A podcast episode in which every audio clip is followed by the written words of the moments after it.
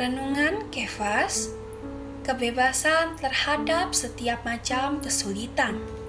Ayat Alkitab 1 Petrus pasal 5 ayat 7 mengatakan Serahkanlah segala kekhawatiranmu kepadanya Sebab ia yang memelihara kamu. Manusia hidup di dunia penuh dengan kekhawatiran.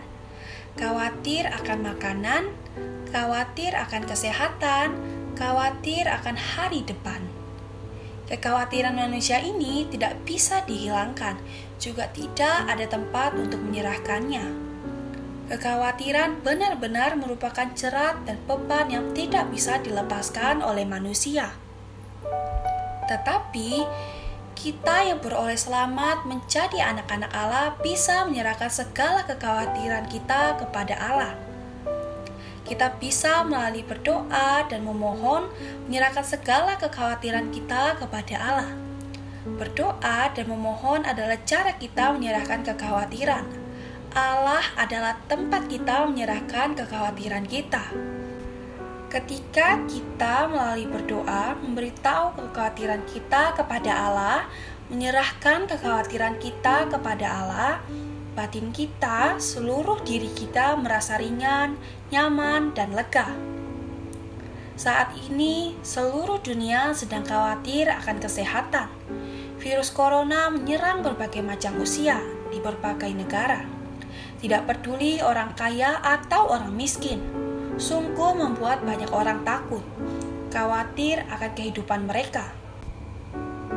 Sobat Kefas, Tuhan adalah penolongku, adalah keselamatanku. Kepada siapakah ku harus takut? Di dalam kasih tidak ada ketakutan. Bila manusia tidak memiliki Allah, tidak ada perlindungan dan sandaran, maka hanya ada ketakutan di dalam batinnya.